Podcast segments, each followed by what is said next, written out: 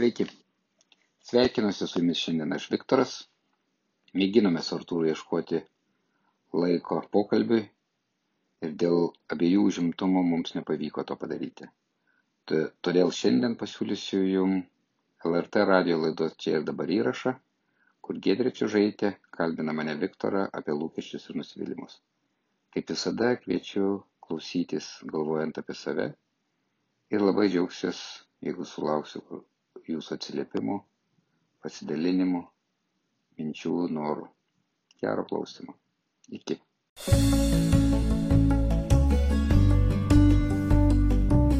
LRT radio eteryje laida Čia ir dabar.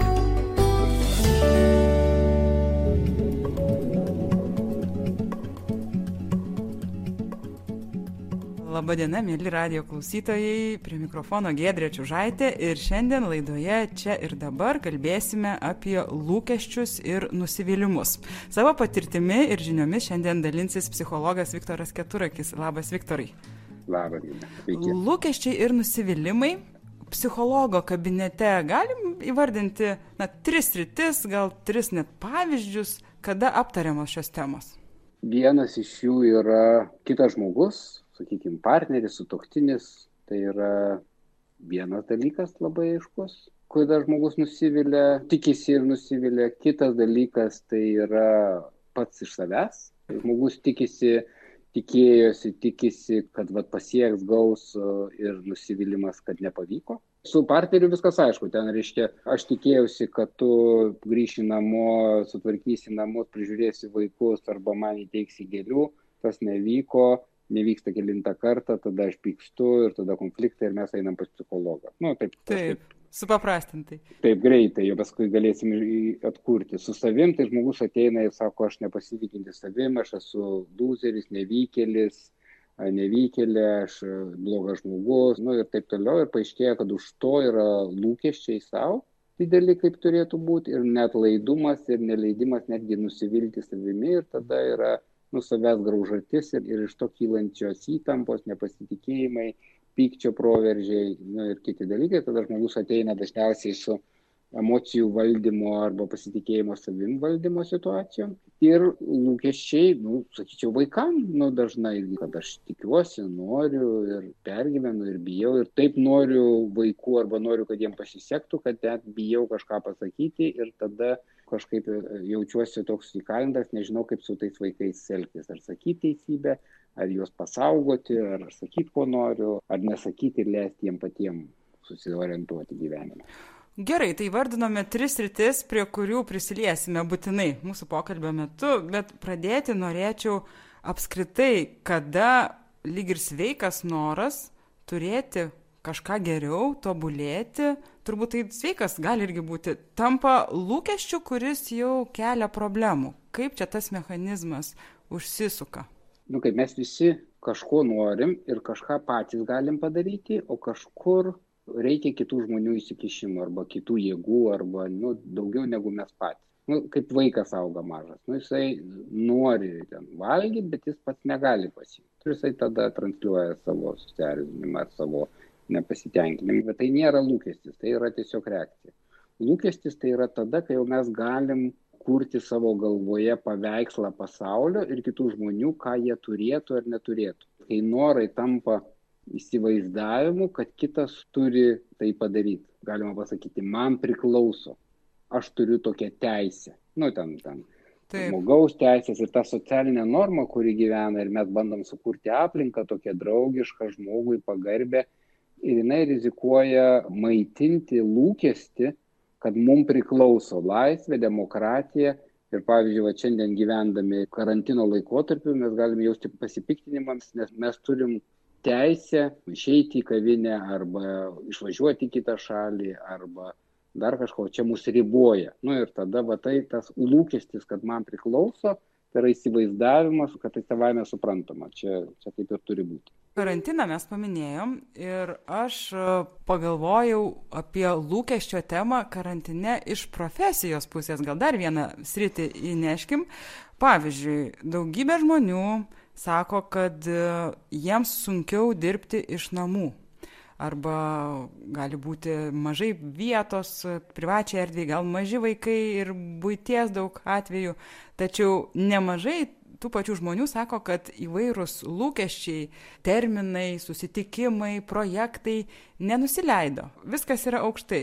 Ir tada visi įsitempę per tas nuotolines konferencijas tildo savo vaikus kad ten šiukštu neįsiterptų nors tie vaikai ir jeigu tarptautinė konferencija ir rumunijoj ir kur nors indijoj ir lietuvoj yra vienodi ir ateina kažką pasakyt ir visi bando vis tiek vieni prieš kitus būti pasitempę ir rodyti na kad mes galim mes galim. Čia yra lūkesčiai čia yra kaip mes juos priimam tuos lūkesčius. Iš tiesų kalbant apie lūkesčius turim suprasti kad yra dvi kryptys aš tikiuosi iš pasaulio iš kitų žmonių ir aš priimu kitų žmonių savo vadovų klientų pažįstamų nu ko ten bebūtų lūkesčius sau. Ir čia kalba kurią giedre tu palietei tai yra labai gera tema kaip aš kito žmogaus lūkesčius priimu kaip taisyklę reikalavimus kurių negalima neatitikti reiškia jie susiduria dvejopai lūkesčiai man ir lūkesčiai savo sau pačiam.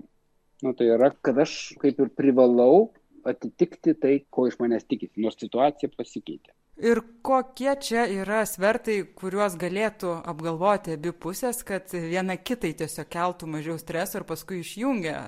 Kalbėkim apie tą pačią konferenciją nesakytų ai žinai tu ten neturėjai bėgt dabar čia griūna mano įvaizdis aš manau kad mes turėtume išmokti kad lūkesčiai nėra taisyklė. Lūkesčiai yra kaip sakyti minkomas dalykas. Tai yra susitarimas ir persitartinas dalykas. Tai yra lūkesčiai yra savotiškas socialinis kontraktas. Tai yra mes tikimės ir laikomės kad visi taip gyvena. Tai kai pasaulis yra stabilus tai mes žinom kad lūkesčiai yra kad į darbą nevėluosi. Ir iš darbo išeisi laiku ir savo darbus atliksi tinkamais terminais kai situacija yra krizinė keičiasi tai tada vadovai sako kad dar labiau reikia stengtis nes krizė ir mum reikia išgyventi. Ir teisingai įmonės lūkesčiai yra kad tu stengsies dar labiau nes sunkūs laikais reikia konkuruoti ir išgyventi. Bet taip pat yra darbuotojo pusė kad darbas iš namų irgi yra krizinė situacija ir jam ir jai reikia papildomų pastangų sunku suspėti ir gal galim persitart tuos lūkesčius. Įmonė nori kaip visada ir dar labiau o aš noriu mažiau arba su kitokiais terminais.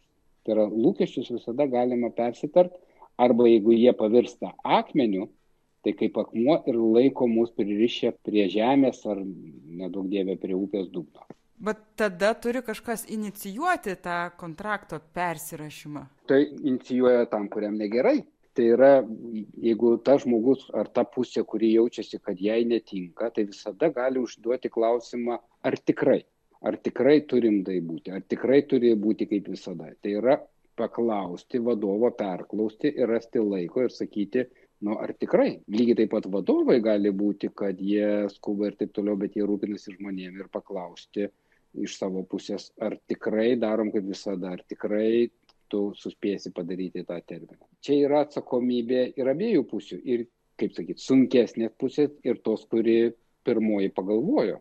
Tai yra jeigu darbuotojai nedrįsta o vadovas pagalvojo tai jisai ar jinai gali užduoti klausimą nu mes čia daug dirbom bet ar tikrai tau gerai nes aš matau kad tu ten pratrūkai arba matau kad tau gali būt sunku ar įsivaizduoju kad tau gali būt sunku. Įdomu dar darbo sritis tomis aplinkybėmis kai žmogus iššoka trumpam arba ilgesniam laikui ir iššoka atgal. Aš prisimenu situacijas iš savo gyvenimo po motinystės atostogų arba per jas kai iš pradžių kai tu gali lengvai atitikti išvaizdos reikalavimus tvarkingumo visa ko atsiranda poveikio tokia sritis kur tu ne viską kontroliuoji ir pavyzdžiui nubėgi kokį nors interviu jau kaip ir pasirinkai tvarkingiausius drabužius bet žiūri ant tavo rankovės košė ir tu tada tą rankovę iš pradžių gal žiūri nu jeigu užsilenks tai gal čia ir nesimatys. Paskui matai kad jau reikia iš to įvykio padaryt pasiaiškinimą va žiūrėkit čia ant mano rankovės košė. Ir iš pradžių toks nepatogumas būna kad na kaip aš čia dabar atrodžiau tas žmogus gal matė nuo pradžių bet daugeliu atvejų aš pastebėjau kitas žmogus kai mes abu įvardinam kad čia yra košė atsipalaiduojam taip yra tas momentas ar galėtų čia žmonės būti drąsesni na kartais įvardindami savo nepatogumą ir jis nėra toks didelis kaip gali atrodyti kai tyli apie jį tai nepatogumas vyksta iš to, kad viskas vyksta tik galvoje, o nekalbama. Tai yra, tu atini į susirinkimą košę ant rankos. Aš galvoju apie tą košę. Žmogus pamatė tą košę ant rankovės irgi galvoja, nu, tai ką, kažką irgi galvoja. Nu, mes net nežinom ką, ne? Taip. Ir tada vienu metu kalbėti apie kažkokį klausimą ir tuo pačiu metu galvoti, kaip čia atsitiko, kad ta košė, ar čia gerai, ar čia blogai, ir kaip čia daryti, tai kuria įtampą. Tuo metu, kai pavadini, kad dramblys yra kambaryje, o košė yra ant rankovės, tada jau nebereikia užimti galvos galvojimų. Ir lūkesčiai tam tikrą prasme yra daugeliu atveju neįvardinti, o prisigalvoti. Kitais žodžiais tariant, mes prisigalvojam dalykų, kurie nebūtinai iš tikrųjų yra ore. Jie galbūt buvo praeitį, galbūt buvo kažkokioje situacijoje, bet šitoje situacijoje nėra. Tai nu, yra lūkestis, kad ateisi tvarkingai. Bet jeigu pražiopsojai ir užsirenkęs kalnierius arba košę ant rankovės, nu negražu, netvarkingai, kartais taip atsitinka. Japonai turi tokį net specialų pasakymą - tobulas netobulumas. Tai yra įskilusi vaza ar nuskilęs raštas yra pabrėžiamas ir tai yra savotiška estetikos ir grožio rušis. Kartais netobulumas, jisai gali būti net paryškintas ir gali daryti savo tokią atliekti atsipalaidavimo požiūrėje funkciją. Ir mes turbūt dabar prieiname prie tos srities, e, kurią dažnai paliečiat e, psichologo kabinete, tie lūkesčiai pačiam savo, ne? Taip. Kokios dar situacijos, gal tokios atpažįstamos visiems, bet e, lipam ant jų kaip ant grėblio?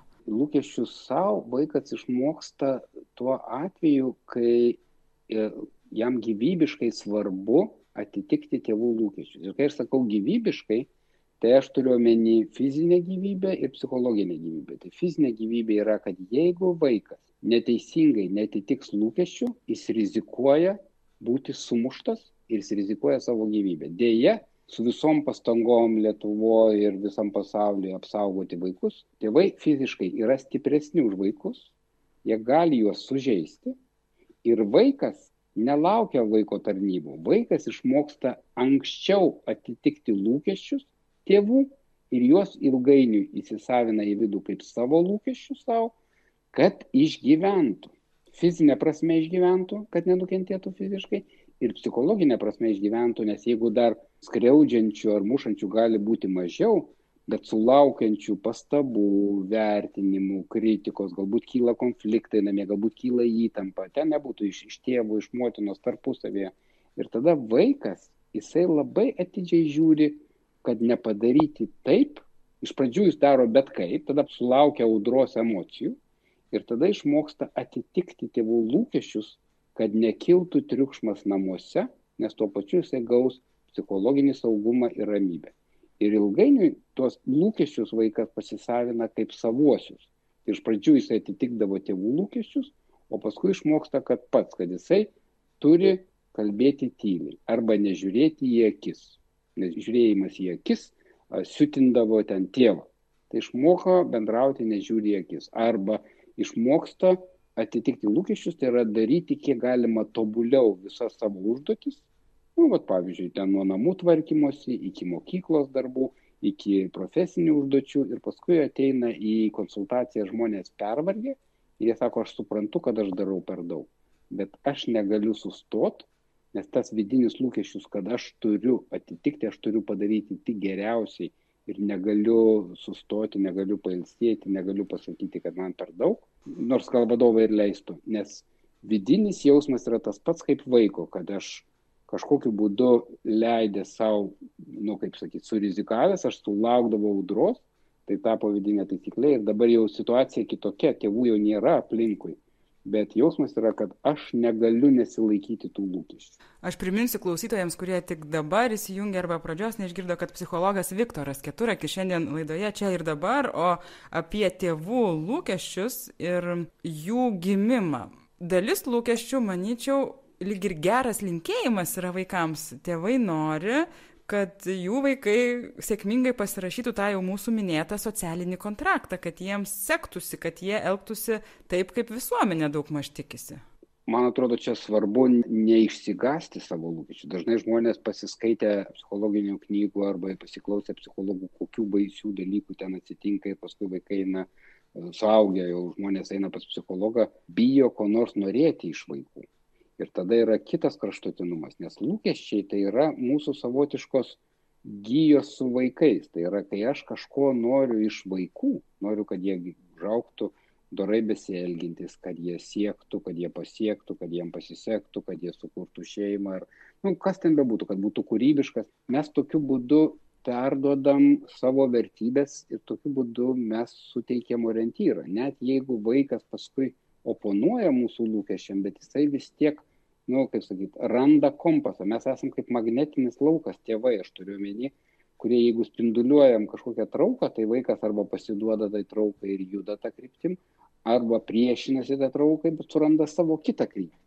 Tai šiuo atveju yra gerai turėti lūkesčius, nes tai yra toksai kaip ryšys, vienas iš ryšio formų, kad man ne tas pats, man kaip tėvui ir mamai yra ne tas pats. Aš atsimenu, kad kai mano sunus, reiškia, buvo mokykloje ir aš tokia turėjau dilemą, jis ir parneždavo pažymius, ten pamatau ir aš galvodavau, ar man norėti gerų pažymių ar ne. Ir aš buvau tokių irgi prisiskaitęs knygų, kad negerai, negalima.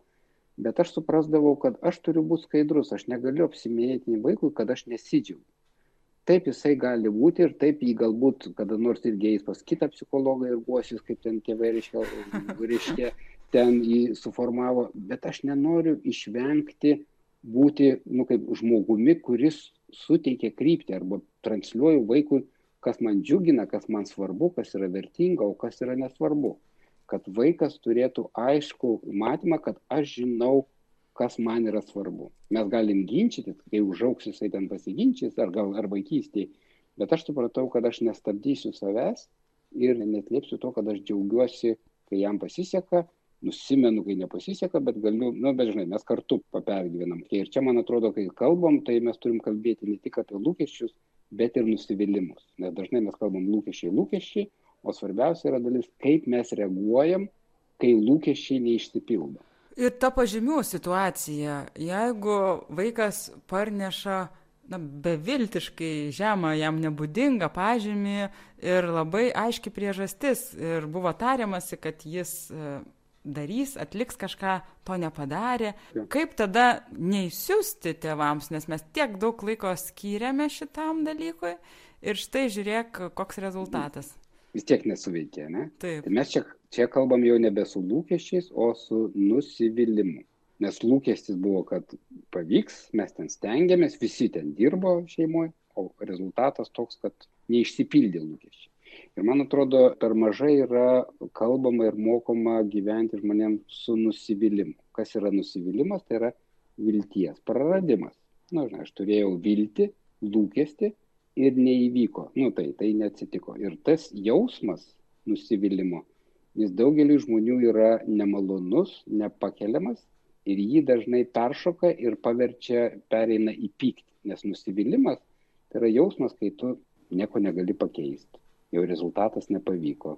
Yra gaila, yra liūdna, gal skaudu, gal apmaudu, gal baisu, kad čia visada tai bus.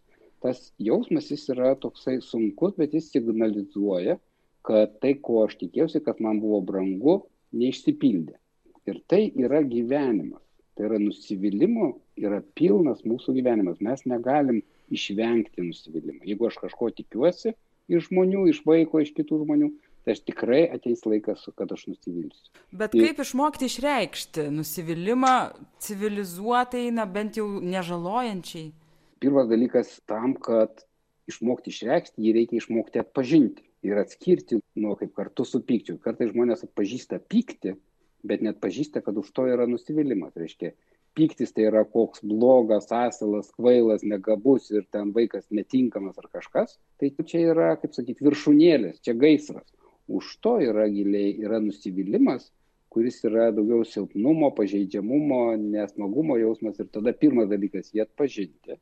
Antras dalykas, ten yra įvairūs patarimai, pakvepuoti tris kartus ar dešimt kartų ir nepult visko pasakyti, kitas ten pavaikščioti, pažiūrėti, o trečias dalykas tai yra pasakyti žmogui, vaikui, kažkam, kas atsitiko, kad aš nusivyliau, kad man gaila, liūdna, apmaudu, galbūt pikta, nu, bet ir ką padarysi. Nu, yra toksai momentas, kad jau nusivylimų neatstatysi. Gal mes iš naujo pradėti, bet nusivylimas yra toks suklupimas, emocinis toks savotiškas nuopolis. O gal būna, kad keldamas lūkesti, mama, tėtis vėliau turi pripažinti, kad na jis neteisingai jį iškėlė neįvertinęs vaiko jėgų, kad lūkestis buvo per aukštas, jis gal ir ant savęs pyksta, kad viską čia taip kūrė, kūrė, statė kažkokią pilį, kuri neturėjo pamato.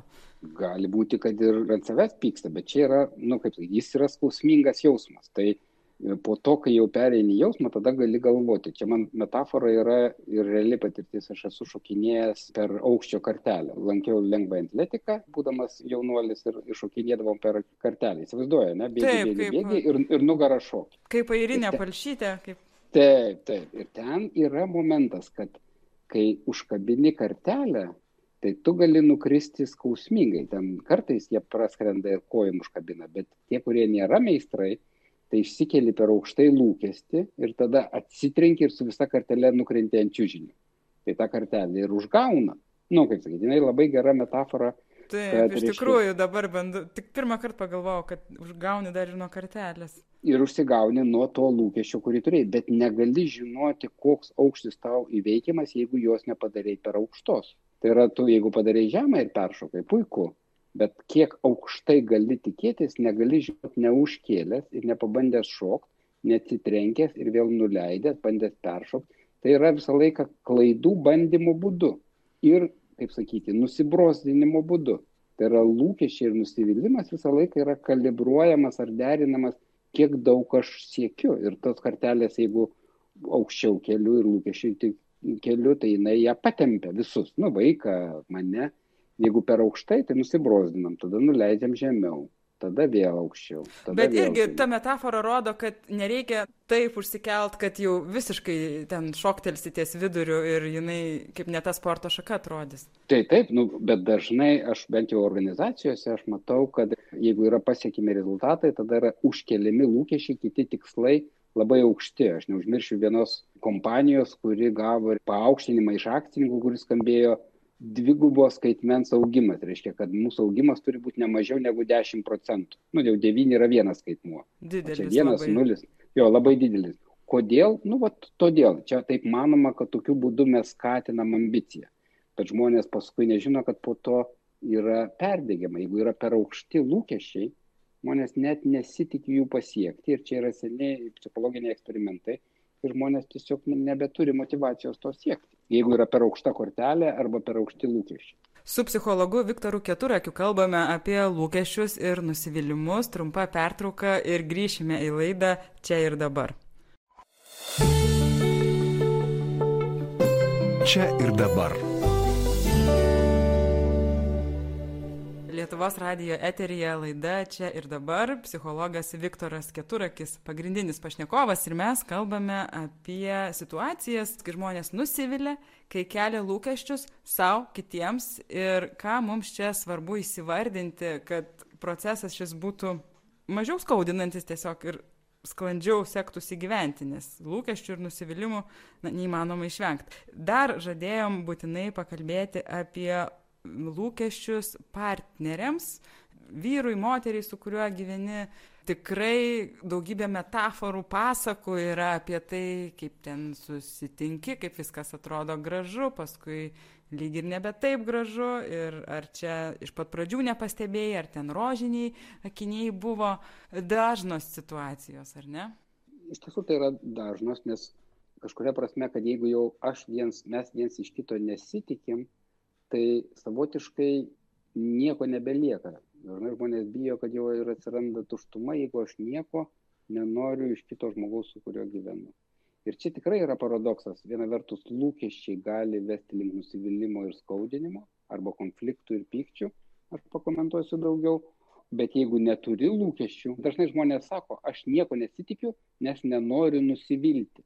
Tai yra tas pats, nevalgysiu, nes paskui vis tiek praalksiu tai taip suvalgai, bet paskui vis tiek ateina alkis. Taip tikiesi ir kartais gali nusivilti. Ir galbūt dažnai nusivili, bet tada lūkesčiai viens kitam yra vienas iš svarbiausių tokių gyjų, kurios mūsų susijęja. Tai yra aš tikiuosi, aš noriu, aš tikiuosi kažką gauti. Nu, kaip gauti, kad kažkas atsitiktų. Tai yra tokiu būdu, tai yra mūsų kaip kryptis į kitą žmogų. Aš jį matau, jisai man svarbus, aš kažko noriu. Tiesa, tai gali būti toksai, nu, kaip sakyti, atsakomybės perdavimas, nu, naudojimasis, reiškia, santykių ir tada, nu, tada tas kelia įtampas ir nepasitenkinimą. Man stebint aplinką, gyvenant, atrodo, kad e, dalis lūkesčių santokoje poroje susiję su tuo, kad e, kai kurie bendrumai arba ten, sutarimai atrodė savaime suprantami, tau net nekilo klausimų, jeigu jūs esat kartu, tai aišku, kad tas žmogus irgi taip mano. Čia yra šaltinis, kad e, daug dalykų įsimylėję žmonės priima kaip savaime suprantamus, mato čia tapatumą, vienodumą, o paaiškėja, kad nebūtinai. Taip, nu, tai čia vienas, vienas iš šaltinių tokio konflikto ar tokio susidūrimo, nes savaime suprantama mes atsinešam iš kur. Mano tėvai taip darydavo, nu pavyzdžiui, ten tėtis visada ten pasveikindavo vestuvių metinių progą mamą, nu pavyzdžiui. Ir tada, kai aš gyvenu santokoj, aš irgi tikiuosi ir savaime suprantama, kad taip pat bus. Arba ten vienas ar kitas gamina ar negamina valgyti ar panašiai ar panašiai. Tai yra taisyklės, kurios buvo pas mano tėvus, taip kaip jie bendraudavo, jas aš pasiimu, nu, kaip sakyti, su pienu, su maistu ir atsinešu į kitą santyki ir irgi tikiuosi, kad tai bus. Ir dažnai šito net neaptarė, nes tų taisyklių ir tokių nuostatų yra tiek daug, kad čia neužtektų savaičių apie tai kalbėti. Tada vienas turi tokių lūkesčių, kitas turi lūkesčių ir tada, kai pradeda atsirasti nusivylimas ir pyktis ir nepasitenkinimas, kodėl taip nebuvo, tada paaiškėja, kad vienas žmogus tikisi, kad, reiškia, tu pasveikinsi, o kitas tikisi, kad čia neipatinga proga, pas mus tai niekos nebūdavo, nu, fain atsimenam, galim pavakarieniauti kartu, bet čia nėra, nu, didelė, nu, tarkim, šventė, ne? Ir tada tuo momentu, kai išsiskiria lūkesčiai ir atsiranda nusivylimas, tada mes galim pastebėti, atpažinti, kad tokie lūkesčiai gyvena mano galvoje, nes jų yra tiek daug mūsų galvose, kad mes jų net nepastebim. O tas lūkesčių susiderinimo procesas, kaip jis galėtų vykti? Pirmas dalykas, jisai svarbi tokia prielaida, kad nėra vienos tiesos. Mes gyvenam laikais, kai iš viso poros santykiai ir šeimos santykiai labai keičiasi. Bet nėra kažkokio teisingo būdo gyventi santykiai. Nes dažnai, kai yra viena tiesa, tai reiškia, viena pusė arba vienas žmogus, kuris turi lūkesčius ir įsivaizduoja, kad visa visuomenė taip galvoja, tada mes tokiu būdu auginam savo pozicijas ir įsikasam apkasus, kad aš esu teisus, man priklauso. Ir iš čia kyla daugelį konfliktų, nes tada kita pusė arba kitas žmogus jaučia, kad jį nori okupuoti, nu, savotiškai užimti partnerį su savo lūkesčių tiesa ir dažnai priešinasi tiem lūkesčiam ne dėl to, kad jie negeri, bet dėl to, kad tu man neprimesi nuomonės, kaip man reikia gyventi ir kaip mums reikia gyventi. Ir čia prasideda konfliktas. O tai čia kas dozavimas lūkesčių turėtų būti? Vis tiek įdomu, va, kaip rasti sutarimą tokiu atveju, jeigu ir lūkesčių net kiekiai skirtingi.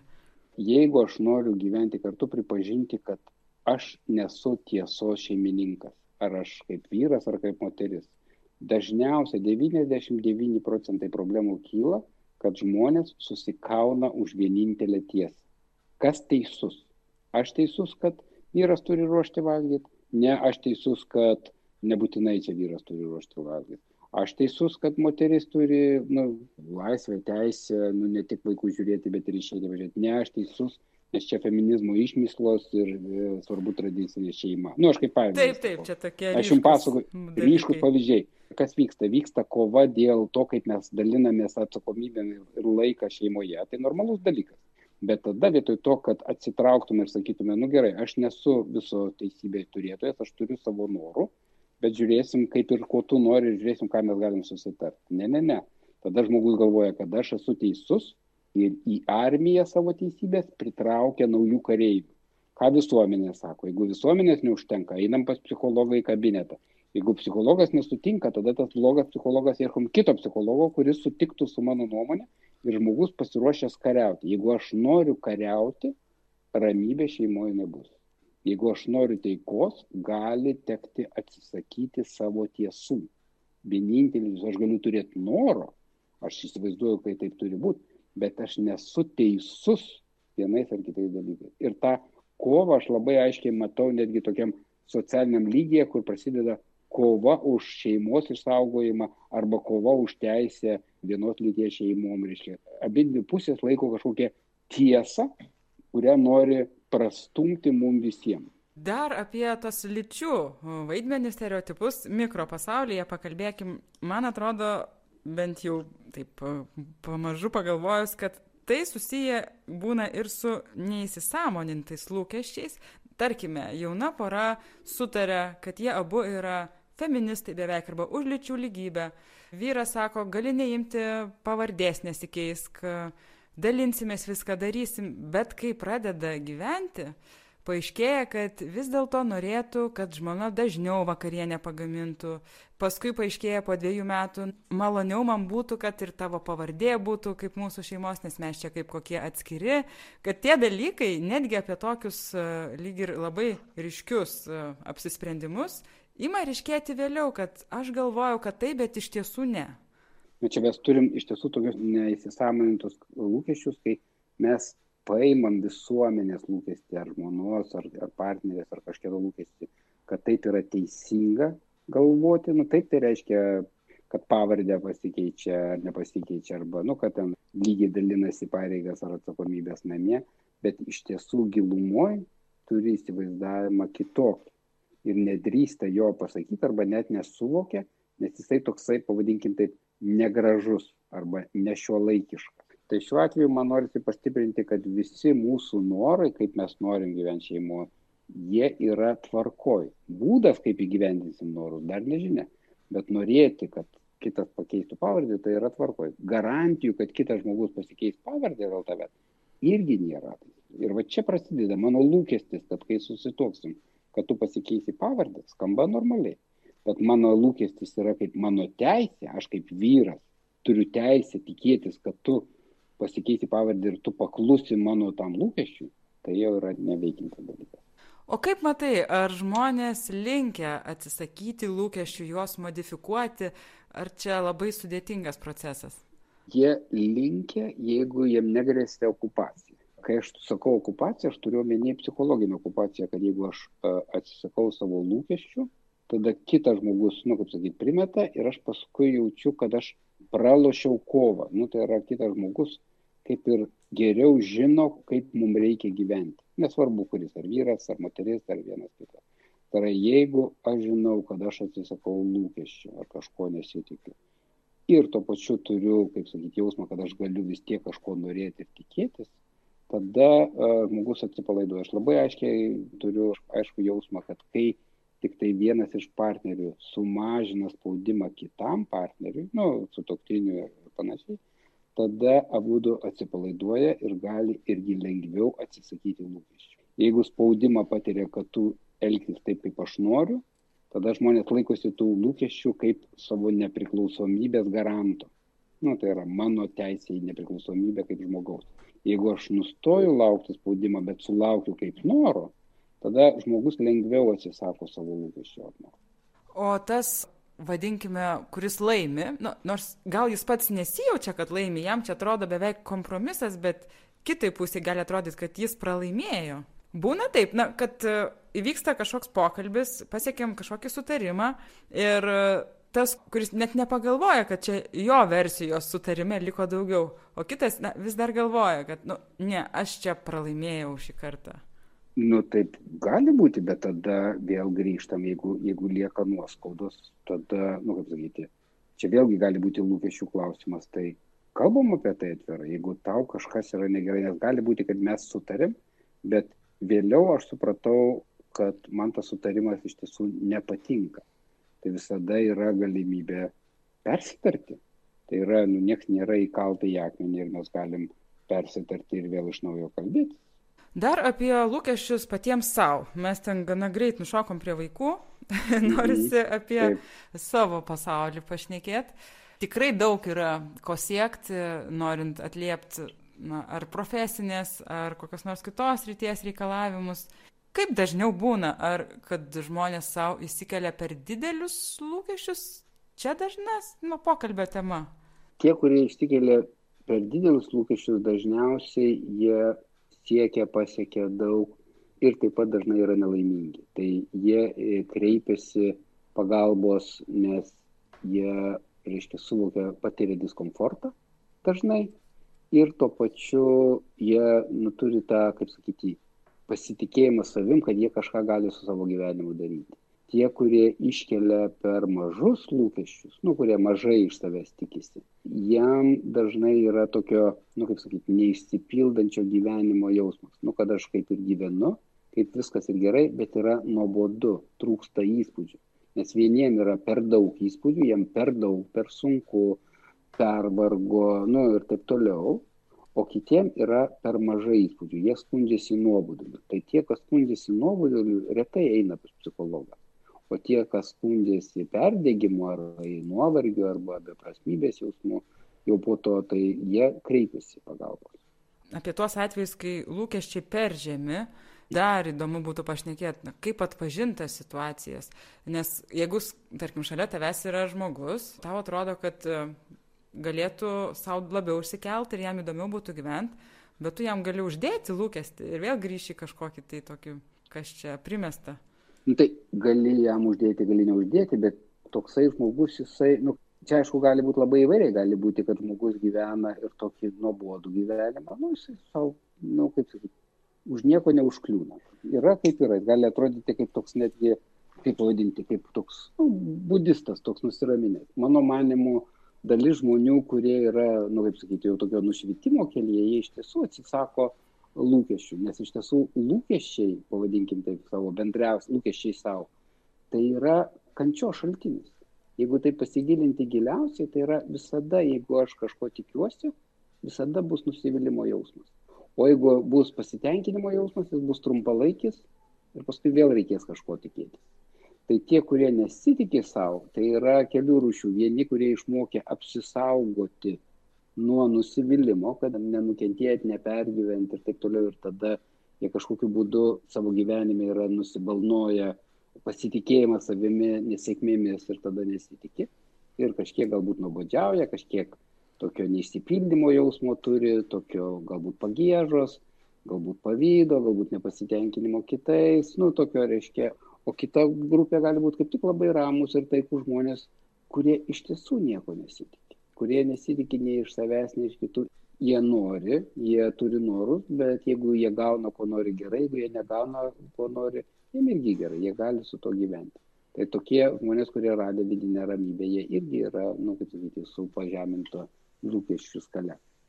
Ir vienais atvejais vieniems žmonėms tie žmonės atrodo laimingi, o kiti sako kad nu žiūrėkit jau jie nieko nebesiekia. Aš vėl apie profesinę sritį pagalvojau. Dažnai būna tarkime vidutinio vyresnio amžiaus darbuotojas kuris yra savo srities profesionalas ir dar mielai dirbtų dešimt metų tai ką išmano ir mano kad jis tą daro gerai bet nori atidirbęs aštuonias valandas eiti namo ir ateina vadovas jaunas kuris išsikelia iššūkių ir sako ne tie darbuotojai nėra patys geriausi jie per mažai būna reiktų viršvalandžių padirbėt reikia išsikelt kokių tu metinių tikslų turi koks čia metinis pokalbis ir ką tu padarysi. Kuri čia pusė tada teisesnė? Man atrodo abidvi pusės teisios tiktai problema kai viena kitai neduoda gyventi nes man atrodo čia yra beprotybė primesti visiem siekti daugiausia ir dirbti viršvalandžių nes tai yra trumpalaikis tikslų siekimas. Žmonės vis tiek, manau, pavargsta ir perdega. Ir tas nuosaikus, pastovus, ramiai dirbantis žmogus, jisai savotiškas yra stabilumo garantas organizacijai, nu kaip sakyti, nesiblaškyti ir kažkuria prasme nepadaryti klaidų. Tai yra nes tas žmogus, kuris labai siekia tikslų ar ambicingas, jisai gali užtarnauti, užkariauti naujas teritorijas ir labai fain tas reikalinga. Nu, ten yra nauji klientai, naujos rinkos, naujos veiklos, nu, kažkas tokio. Tas žmogus, kuris stabiliai dirba, jisai labai gerai gali užtikrinti be klaidų teisingą funkcionavimą organizacijos. Nes tas, kuris užkariauja naujas teritorijas, jisai labai daug degina veiksmų, galbūt ten, su, reiškia, klaidų padaro, galbūt dar kažkas atsitinka, o tas, kuris ramiai savo dirba, jis užtikrina, kad traukinys judėtų nuolat visą laiką ir reikia įvertinti protingam vadovui svarbą tokių darbuotojų aš tai sakyčiau kad taip kad tai nėra vertybė tiek mažesnių lūkesčių turėjimo, nors gal tas žmogus turi normalius savo lūkesčius, jis nori gerai kasdien padaryti savo darbą. Ir jisai nori, kaip sakyti, tausoti resursus tiek savo, tiek organizacijos, padaryti, nu, kiek galima mažiau. Jis gali būti efektyvumo arba kaizino kažkoks tai e, rinkinys, kada ateini į darbą ir galvoji, kaip geriau tą padaryti, o ne kaip ekspansyviai užkariauti rinkas. O yra žmonės, kurie reikalingi užkariauti vietas ir rinkas. Tai kažkuria prasme geras vadovas turėtų mokėti sutalpinti abu arba atskirti vaidmenis ir rolės vienam arba ir kitam. Link pabaigos artėja mūsų pokalbis, kaip čia būtų galima pabaigti. Gal kas dažniausiai yra lūkesčio sveikumo termometras? Galėjimas jo netekti. Tai yra galėjimas nusivilti.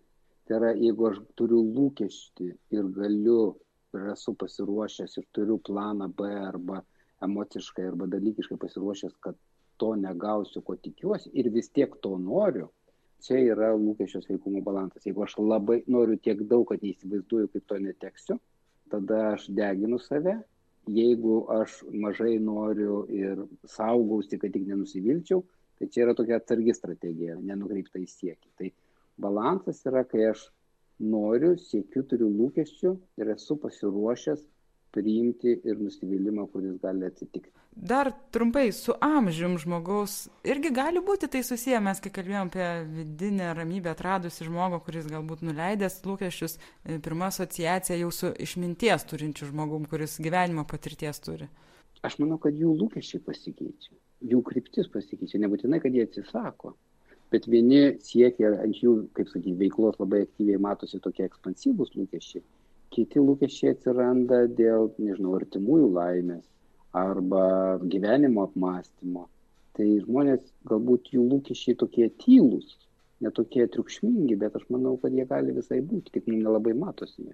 Čia toks daugtaškis e, mūsų laidoje ir noriu jau padėkoti tau, Viktorai.